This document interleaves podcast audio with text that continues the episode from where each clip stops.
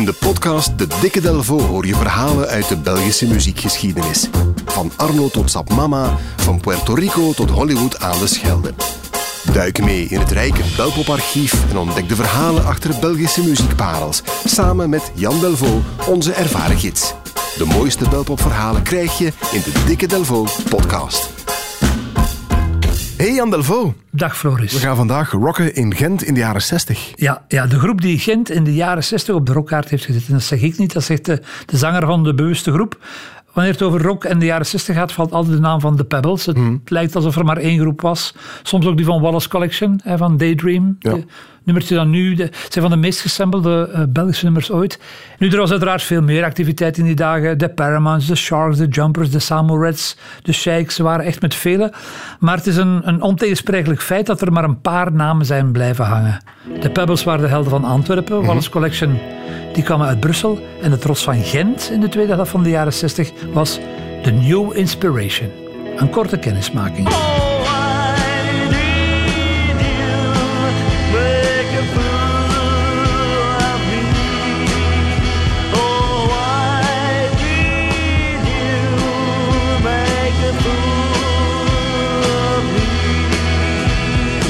Made a Fool of Me van de New Inspiration in de tweede helft van de jaren 60. De Rockers van Gent. Ja, ja een nummer uit 1967. En dus ja, de zanger van de groep, Danny Sinclair, die zei de, de eerste groep die Gent stevig op de rockkaart zette. Voilà. Eh, die Danny is de, heet eigenlijk Daniel, is de zoon van Roger Brakke. Geen familie van, denk ik. Eh, en die Roger Brakke die vormde, eh, die trad samen met zijn vrouw Jenny op als het duo Barry. Nou ja. Was in Gent eh, bekend ook als een beetje de sidekick van Romain de Koning, de bekende humorist. Ja. En Wil Ferdi. Nu, eh, vader en moeder zijn een showbizkoppel. eh en dan denk je, ja, die gaan hun kinderen proberen ook mee te nemen in dezelfde richting.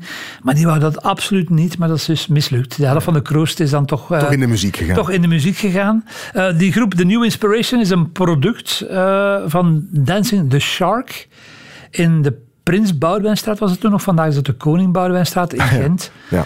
Dat was in de, de 60s en de 70s het meest bruisende deel van de stad. Ik, ik stel me zoiets voor als de Overpoort, maar dan met motto's. Hè, met, met zoiets in die En stijl.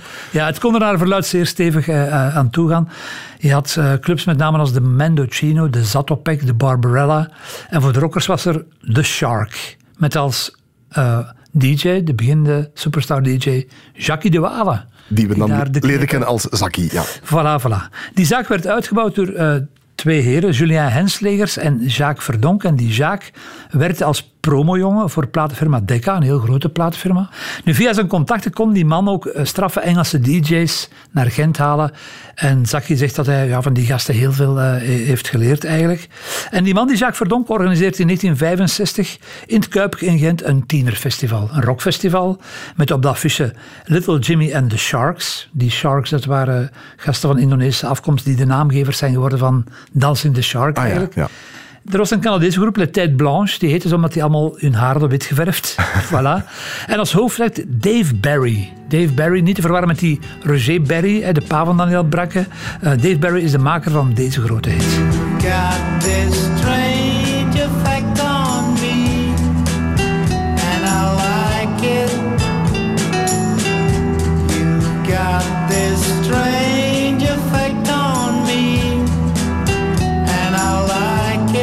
Gecoverd door Hooverphonic. Klopt, ja. Maar dit was het origineel natuurlijk Dave Barry en The Strange Effect. Dat klinkt als een internationale classic in onze oren, maar dat nummer is alleen in België en Nederland een grote hit geweest. Ah Dat is ja. heel bijzonder. Ah, Ja, hoofd want- dat een soort wereldhit, maar dat is Ja, niet zo. Alex Callier dacht dat ook. Hij dacht van als we dat nummer coveren, eh, raken we bekend over de ganse wereld. Maar dat bleek dus niet zo te zijn. Het is geschreven door Ray Davis van de Kings, eh, nota bene. Maar de Kings hebben het zelf nooit opgenomen in de studio. Dus het is eigenlijk zo'n ja, zo'n een, een, een verdwenen nummer bijna eigenlijk. Het, is, het, is echt, eh, het is echt van ons. Nu, het, het concert van die Dave Barry, zijn muziek klinkt niet zo heftig, maar dat loopt uit op relletjes. En dat is waarschijnlijk ook het einde geweest van het, eh, van het tienerfestival daar in Gent.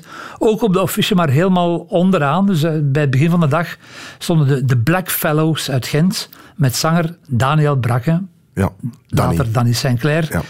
En die groep verandert een jaar later eh, haar naam in The New Inspiration. Hun manager wordt Jacques Verdonk.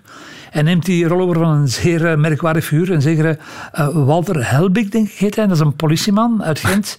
Die in Oost-Vlaanderen uh, wereldberoemd is. Omdat hij ooit Ike en Tina Turner naar Zelzaten wist. Ah, ja, ja, dat opgetreden in, ja. ja, dat is zo'n verhaal dat eh, regelmatig terugkomt. In Zaal Majestiek hebben die daar opgetreden. Dat was dankzij die man eigenlijk. Eh, ja, de, de New Inspiration krijgt meteen eh, heel veel werk van Verdonk. Ze worden ingeschakeld als de begeleidingsband tijdens, tijdens Europese tournees van Cat Stevens, Engelbert Humperdinck en jawel, Dave Barry. Ja. Jacques heeft nog meer potentie in die groep. Volgens de overlevering worden de nummers die de groep bedenkt in Londen gearrangeerd, dus aangekleed door Charles Blackwell. Die man was de producer van Tom Jones en Engelbert Humperdinck. En daarna door Londense studiomuzikanten op de band gezet. En dan hier in België werd de stem van Danny Sinclair erop gemonteerd. En voilà, dat was dan het oeuvre van eh, The New Inspiration. Ja. Zoals heel vaak gebeurde in die tijd, tekende die Jacques Verdonk ook mee voor de nummers. Ja. Dat was echt schering en inslag, dus daardoor kreeg hij ook een flink deel van de, van de royalties eigenlijk. Maar eh, het moet gezegd worden, hij weet de groep goed in de wereld te zetten. Hij vroeg toen 40.000 frank, 1000 euro. Daar Die tijd, eh, moet dat die wel tijd geweest dat zijn, hè? veel. Ja, Ja. die speelde vaak zelfs drie keer per avond, dus dat was ja, echt ja. wel... eh, voilà. En heel slim, hij zet ook een soort van Beatles Stones of Blur Oasis constructie op. Een, een soort van kunstmatige vijandschap tussen de New Inspiration en de Pebbles. Ah, ja. die, die vertelden allebei in interviews dat ze eigenlijk geen concurrentie hadden in eigen land en dat ze eenzaam aan de top stonden zonder dat ze ook maar één woord eigenlijk over de, de andere groep zeiden. Dus ja, voilà, dat hielp wel, want de New Inspiration haalt de nationale hitparade met zeven singles, wat toen voor een rockband uit eigen land toch wel redelijk uitzonderlijk was. Het buitenland, ja, er is een heroïsch verhaal dat ik niet heb kunnen checken over een bezoek aan het hoofdkwartier van de Beatles in Londen. Daar zouden ze dan Yoko Ono ontmoet hebben, die eh, helemaal weg was van de wereld.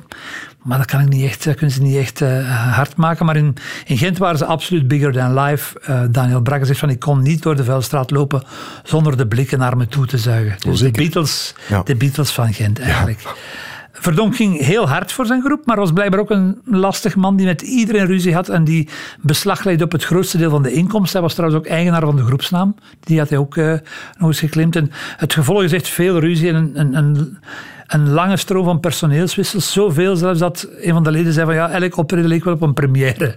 Alsof, hè? Altijd opnieuw beginnen. Also- alsof we met een totaal nieuwe equipe eigenlijk begonnen. En in 1973 eh, stopt het verhaal. Eh, Verdonk had redelijk gecashed, maar hij wint rond die tijd echt wel de jackpot met een Franstalige Brusselaar die minder bekend is, denk ik, bij ons, Aar Sullivan. Ja. Ik denk dat we er ooit al een kort stukje hebben aan gewijd, omdat hij ook een familielid is van Mathilde, koningin Mathilde. En hij heeft ooit een nummer voor haar eh, gemaakt dat zij geweigerd heeft eigenlijk. Maar die man heeft, eh, heeft echt wel een paar eh, zeer grote hits gehad in Frankrijk, in België en ook zelfs in Nederland. Heeft in totaal, in totaal bij leven meer dan 10 miljoen platen verkocht. Ja. Allemaal meegetekend door diezelfde Jacques Verdonk. Dus kassa, kassa, kassa eigenlijk. De beste periode van de New Inspiration is die van de originele bezetting van pakweg 1967 met naast die Daniel Brakke, Danny Sinclair, een prominente rol voor gitarist Gus Rowan. Een naam die bekend klinkt ongetwijfeld. Ja, door zijn zoon die bij Arsenal eh, zingt. En ook van eh, de Veterans, hè, van I'm Jogging. Veterans, I'm Jogging, ja. En ook, en, ook, en ook de man van Waterloo. En die hebben First Battle, is eigenlijk de meest gezochte Belgische plaat op dit moment, de duurste. Ik denk, ja, al gauw voor een, een gaaf exemplaar meer dan 1000 euro. Oh, zeker, ja. Voilà. Een oud strijder. Hij heeft dit geschreven voor de New Inspiration. I Got a Feeling. Jan Delvaux, bedankt. Zeer graag gedaan. I can help